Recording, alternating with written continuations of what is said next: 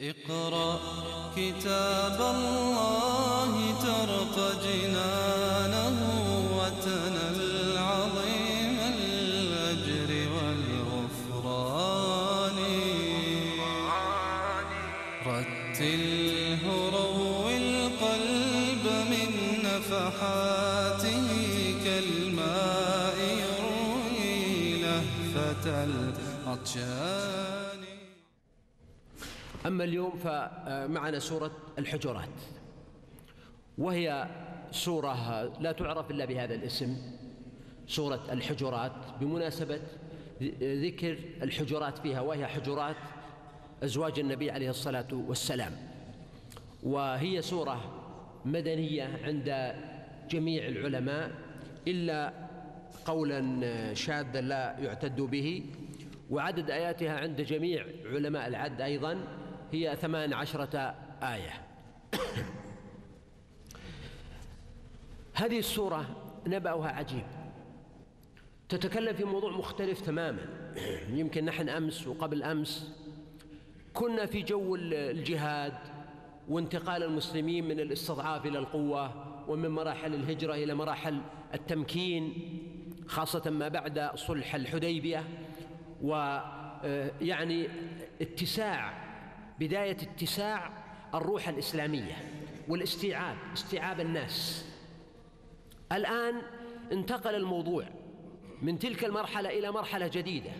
المدينة أصبحت قبلة تأتيها قبائل العرب من كل مكان والوفود ترد عليها والمهاجرون يكثرون وفي قبائل تأتي للمدينة وتسكن فيها لأي ظرف من الظروف. و هناك انفتاح كبير جدا. إذا كانت المرحلة الأولى مرحلة رص الصفوف وإعداد القيادات والكوادر العلمية والدعوية والتربوية فإن المرحلة التالية والأخيرة هي مرحلة الانفتاح على الناس وعلى الشعوب وعلى القبائل وعلى الأمة العربية وغيرها بشكل آه، غير مسبوق. وهذا ولد مشكلات بطبيعة الحال. إنه جاء ناس غير منظمين وربما في المدينة المنورة حتى يعني عملية النفايات أحيانا ربما لا يكونون قد تدربوا على وضعها في مواضعها وكثرة ويغلون الأسعار ويضيقون الأسواق ويحدث بسبب ذلك مشكلات وصراعات وأيضا أصوات ترتفع ونوع من الإخلال بالنظام العام الذي شهدته المدينة. المدينة النبوية شهدت ربما في السنوات الأخيرة وليس من بدايتها لكن في السنوات الأخيرة بعدما ذهب شأن اليهود وذهب شأن المنافقين أصبحت المدينة خالصة للمؤمنين هم القوة الرئيسية والضاربة فيها. ولذلك هي نموذج للنظام والانضباط والأخلاق والسمو. الآن في في فيما بعد ذلك هذه السكينة بدأت تتأثر وتتغير بسبب كثرة الداخلين والقادمين من كل حدب وصوب. فكانت هذه السورة أولا هي سورة عظيمة في القرآن الكريم تتحدث عن موضوع الأخلاق وتعتني بالفضائل والقيم بدءا بالأخلاق مع الله سبحانه وتعالى ومع الرسول صلى الله عليه وسلم ثم أخلاق المسلمين مع أنفسهم ثم أخلاقهم مع آه، أعدائهم وخصومهم ثم تتحدث عن المبدأ العام في كون الناس سواسية ليس بينهم فرق إلا بالتقوى. فهذا أول ما يتعلق بمضمون السورة فهي متخصصة في ذلك. ولكن من وجه آخر هذه السورة تعكس طبيعة المجتمع النبوي في مرحلته الأخيرة ووجود تمايز واضح بين المجموعة الأولى أبو بكر الصديق عمر الصحابة الأولين الذين تهذبوا وتربوا ورسخ الإيمان في قلوبهم وأرادوا الله ورسوله والدار الآخرة وارتبطت قلوبهم بالله عز وجل. وبين مجموعات أخرى من العرب هم حدثاء عهد بإسلام وبعضهم إسلامه مدخول لأنه دخل يعني رغبة ورهبة خوفا من القتل والقتال ولأنه رأى أمر الإسلام قد استتب واستوسق وأيضا ربما يرغبون في المال أو تكون عندهم ظروف جفاف أو قحط في بلادهم فيأتون إلى المدينة المنورة.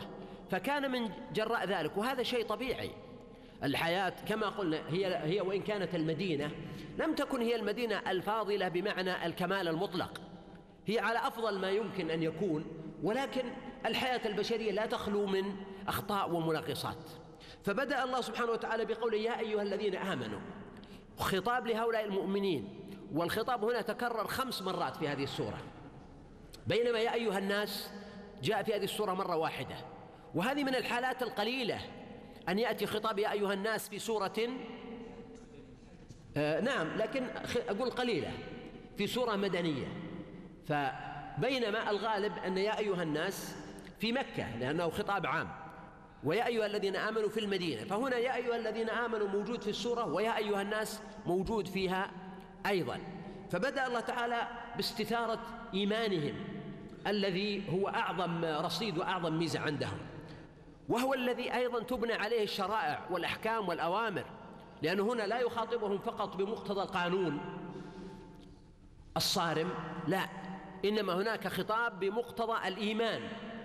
تسلس له النفوس وتنقاد لإيمانها بالله عز وجل. فهنا الله سبحانه وتعالى قال يا أيها الذين آمنوا لا تقدموا بين يدي الله ورسوله. لا تقدموا بين يدي الله ورسوله.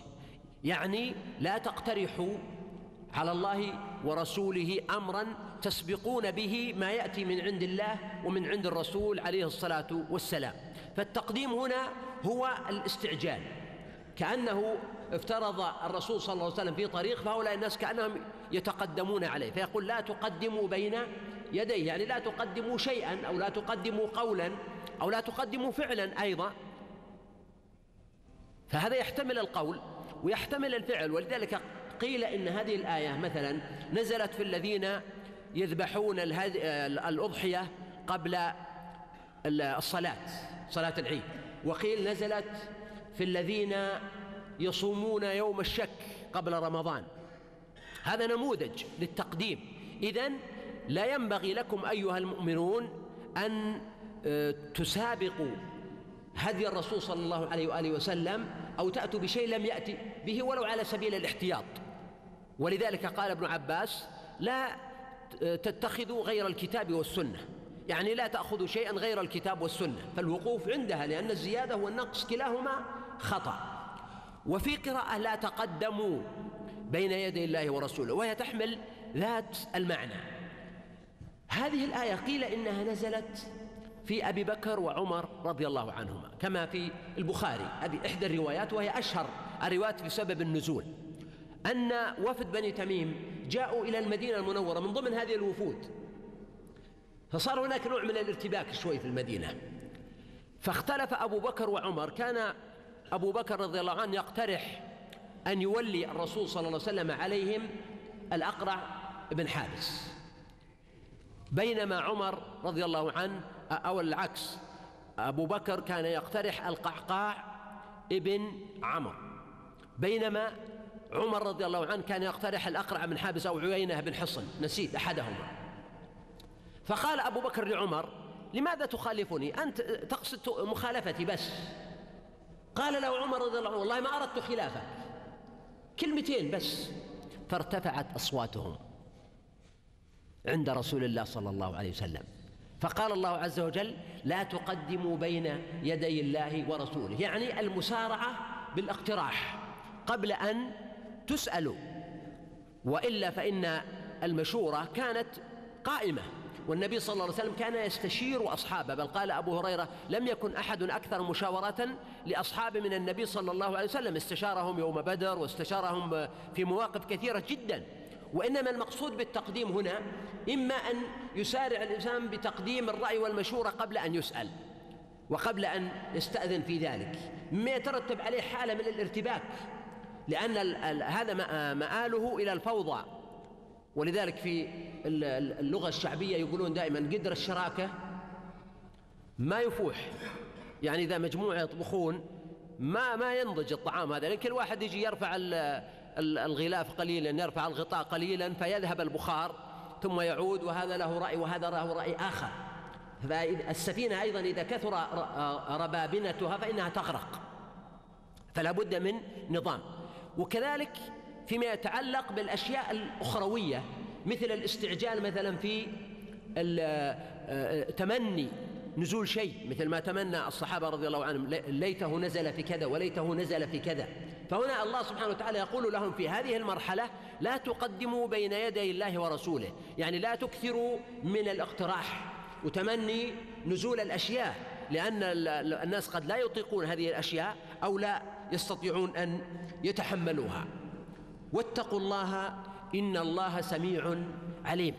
فأشار إلى أن هذا من تمام التقوى والسورة اعتنت بالتقوى كثيرا ودارت عليها مما يوحي بأن عددا من الأوامر والنواهي الموجودة في السورة أولا ربما يؤمر بها وينهى على سبيل الأخلاق وليس كلها يجزم بأنه حلال أو حرام هذا واحد.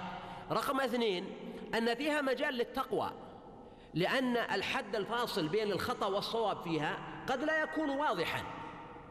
يعني في بعض الأشياء لابد أن الإنسان يستفتي فيها قلبه ليعرف إن كان أصاب أو أخطأ. وهذا إنما يبين بالتقوى فإذا كان قلب الإنسان تقيا في شفافية فإن الغالب أنه يميز بين الخطأ والصواب وما هو مطلوب شرعا وما هو غير مطلوب. بخلاف إذا كان القلب مغلفا أو بعيدا عن التقوى فإنه قد يقدم على أشياء واضحة المانع وهو يتأول ويلتمس العذر لنفسه ببعض الأعذار التي لا تقدم ولا تؤخر. ولهذا قال واتقوا الله إن الله سميع عليم. وذلك لأن معظم ما قدموا به وكذلك أسباب النزول كانت تتعلق بأقوال ومقترحات لفظية. فلذلك قال إن الله سميع يعني يسمع أقوالكم. عليم يعلم مقاصدكم ونياتكم. مرة أخرى يا أيها الذين آمنوا لا ترفعوا أصواتكم فوق صوت النبي. وهذا رفع الصوت قد يكون حدث من أبي بكر وعمر رضي الله عنهما كما في حديث الزبير عبد الله بن الزبير الذي ذكرته قبل قليل. فالله سبحانه وتعالى هنا يناديهم أن لا يرفعوا أصواتهم فوق صوت النبي. وعلى هذا يكون المعنى رفع الصوت فوق ما يحتاج إليه أو أكثر مما جرت العادة أن النبي صلى الله عليه وسلم يتكلم فيه والنبي عليه الصلاة والسلام كان يتكلم بقدر الحاجة ففي ذلك نهي عن المبالغة في رفع الصوت بما لا حاجة إليه. أما إذا كان ثم حاجة مثل رفع المؤذن صوته بالأذان أو الخطيب أو المبلغ أو ما أشبه ذلك من الأمور التي تدعو الحاجة فيها إلى رفع الصوت فهذا غير داخل في النهي. وإنما هنا المقصود رفع الصوت بما لا حاجة إليه ورفع الصوت بحضرة النبي عليه الصلاة والسلام أيضا. ولذا قال لا ترفعوا أصواتكم فوق صوت النبي. ويحتمل أن يكون المقصود هنا أيضا كثرة القول. يعني يدخل في رفع الصوت كثرة القول. بمعنى أن لا يكثروا الكلام بحضرة النبي صلى الله عليه وآله وسلم ولذلك في سورة المجادلة قال الله سبحانه وتعالى إذا ناجيتم الرسول فقدموا بين يدي نجواكم. صدقة. من أجل أنه الناس انكبوا على الرسول صلى الله عليه وسلم كميات كبيرة جدا ولا يقدرون ظروفه وأنه بشر ويحتاج إلى أن يخلو للعبادة ويحتاج إلى أن يخلو بأهله ويحتاج إلى أن يخلو للراحة. وكل أحد لا يرى إلا قضاء حاجته. ولهذا قال هنا لا ترفعوا أصواتكم وكان من معناها عدم إطالة الحديث بما لا حاجة إليه ولذلك كان الصحابة رضي الله عنهم آه، يقتصرون على القدر الضروري من الصوت ومن الكلام حتى إنه بعد نزول هذه الآية كان أبو بكر رضي الله عنه يقول والذي بعثك بالحق يا رسول الله لا أكلمك إلا كأخي السرار. يعني ما أكلمك إلا كالهمس فكان يهمس همسا. وكان عمر رضي الله عنه إذا كلم النبي صلى الله عليه وسلم لا يسمعه الرسول عليه الصلاة والسلام حتى يستفهمه مرة أخرى. ماذا تقول؟ أعد تأدبا بأدب الله. وانظر هذا الاستجابة السريعة لأمر الله سبحانه وتعالى مجرد ما نشدهم بالإيمان. قال لا ترفعوا أصواتكم فوق صوت النبي التزموا هذا الالتزام السريع. ولا تجهروا له بالقول كجهر بعضكم لبعض. يعني أن الناس مع بعضهم جرت عادتهم أنهم ربما يتحدثون بصوت عادي أو جهوري. ولكن هنا بالنسبة للرسول عليه الصلاة والسلام لا ينبغي ذلك. ومن معاني الجهر أيضا هنا ولا تجهروا له بالقول كجهر بعضكم لبعض أن لا تخاطبوه بنفس الأسلوب الذي تخاطبون به بعضكم. فالناس ربما بعضهم يعني يجرؤ على أخيه من باب رفع الكلفة قد يناديه مثلا باسمه وقد يمازحه بطريقة معينة وهذا لا يصلح دائما ولا يتفق دائما أن يكون مع الرسول عليه الصلاة والسلام ومع القائد الأعظم. ولذلك قال ولا تجهروا له بالقول. مثلا ما تقول يا يا محمد أو حتى يا أبا القاسم وإنما تبجله وتقول يا رسول الله. والله سبحانه وتعالى قال في سورة النور لا تجعلوا دعاء الرسول بينكم كدعاء بعضكم بعضا. يعني ما تنادون الرسول عليه الصلاة والسلام وهو بين أظهركم. الآن تربية لهم كيف يتعاملون مع مع القائد. وهذه التربية لها معنى إنه إنه موجود بين أظهركم وربما غدا لا يكون كذلك. ثم إن الأمور استتبت وأصبح هناك حاجة ماسة إلى أن ينضبط أمر التعامل. فهنا لا ينبغي أن تكون مناداته أو مناشدته بالاسم المجرد أو يكون فيها نوع من الجفاء وقلة الأدب. ولا تجهروا له بالقول كجهر بعضكم لبعض. أن تحبط أعمالكم وأنتم لا تشعرون. أن يحدث منكم هذا الأمر فيتطور الأمر إلى حبوط العمل. وحبوط العمل يعني ذهابه كما مر. وذلك أن العرب إذا أكلت الناقة نوعا من النباتات السمية ثم انتفخ بطنها وماتت. قالوا ماتت حبطا. وهذا جاء في السنة النبوية. قال الرسول عليه الصلاة والسلام إن مما ينبت الربيع من النباتات يعني ما يقتل حبطا. يعني يقتل الحيوانات التي تأكله حبطا يعني أنها آه، تنتفخ بطونها ثم تهلك. فكأنه صور العمل الذي هو عمل له حقيقة موجود. من حيث أنه عمل ولكنه حابط لا يترتب عليه أجر ولا ثواب مثل الحيوان الضخم المنتفخ الميت. إشارة إلى أن أعمالهم موجودة فلا ينبغي أن يتساهلوا بإحباطها بمثل هذه الأشياء. وقوله أنتم لا تشعرون إشارة إلى أن هذا الأمر قد يقع بشكل تدريجي وأن على الإنسان أن لا يتساهل في الأمور الصغيرة فإنها قد تتطور وتكبر حتى تحبط عمل الإنسان. والبخاري رحمه الله بوب باب مخافة الإنسان أن يحبط عمله وهو لا يشعر. وفي هذا السياق قصة ثابت بن قيس بن شماس رضي الله عنه. وثابت كان خطيب الرسول عليه الصلاة والسلام بالمدينة وبطبيعة كونه خطيبا صوته ماذا؟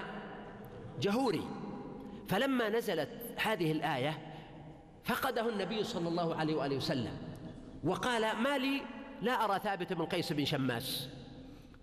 فذهب أحدهم وسأل ورجع إلى النبي صلى الله عليه وسلم وقال له إني أتيت إلى ثابت بن قيس فوجدته قد قعد في بيته وهو يبكي ويقول أنا أرفع صوتي فوق صوت رسول الله صلى الله عليه وسلم حبط عملي أنا من أهل النار. فقال النبي صلى الله عليه وسلم بل هو من أهل الجنة. فانظر هذه الشهادة. هذه القلوب الحساسة التي تستشعر معنى الأشياء ومعنى الأعمال وتلامسها النصوص بشكل مباشر. هنا مجرد أمر إلهي بجزء من آية يستقبلونه بهذه الروح دون حاجة إلى وعد ولا وعيد. مجرد التحذير من حبوط العمل يؤدي إلى أن أناس غير مقصودين ولا ينطبق عليهم هذا الأمر. يقع في بالهم أن يكونوا كذلك. اقرأ كتاب الله ترق جنانه وتنل عظيم الأجر والغفران. رتله روي القلب من نفحاته كالماء يروي لهفة العطشان